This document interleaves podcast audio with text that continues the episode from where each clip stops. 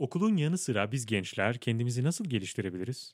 Burada mesela bir şey yapmaya çalışıyorum. Fark ettiniz mi?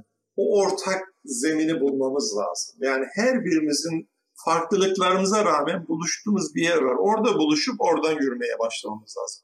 Bence birinci tavsiyem bu olabilir. Hani eğer bir tavsiye edecek, gerçi 50 yaşını geçince tavsiye edebilirsin demişler. 50 yaşımı geçtim ben. Şimdi e, Onurcuğum bizim e, bu dönemde eğer ben biraz önceki konuşmamda temel bilimlere ihtiyaç yok, matematiğe ihtiyaç yok, anlamı çıktıysa ya da fene ihtiyaç yok, anlamı çıktıysa hemen düzeltmek isterim. Onların onlar olmadan zaten hiçbir şey yapamıyoruz. Onların üstüne inşa etmekten söz ediyorum. Bilmiyorum anlatabildim mi? Çünkü 100 yıl önce matematikte hızlı problem çözen işte hesapları yapanların kıymeti e, çok yüksekti çünkü çok azdı ve zor bir beceriydi. Ama bu yüzyılda o tür işlerin pek çoğunu bilgisayarlar yapıyor artık.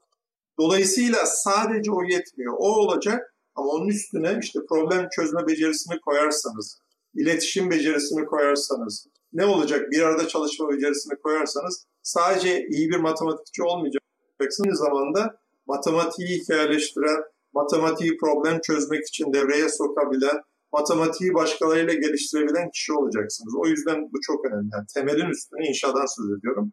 Bunun ötesinde bence e, sizlerin özellikle bu çağda şunu fark etmesi lazım. Bildiğiniz mesleklerin çoğu artık yani bildiğimiz mesleklerin çoğunun geleceği yok.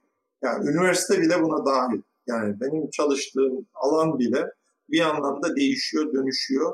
Hatta belki de çöküyor. Yeni bir şey çıkıyor ama çöküyor. Dolayısıyla bu çağda e, mümkün olduğu kadar sıra dışı sorular sormanız, sıra dışı hayaller kurmanız gerekiyor. Ayaklarınızın yere basmaması gerekiyor. Yani bir genç gerçekçi olduğu zaman bence gençliği bitmiştir.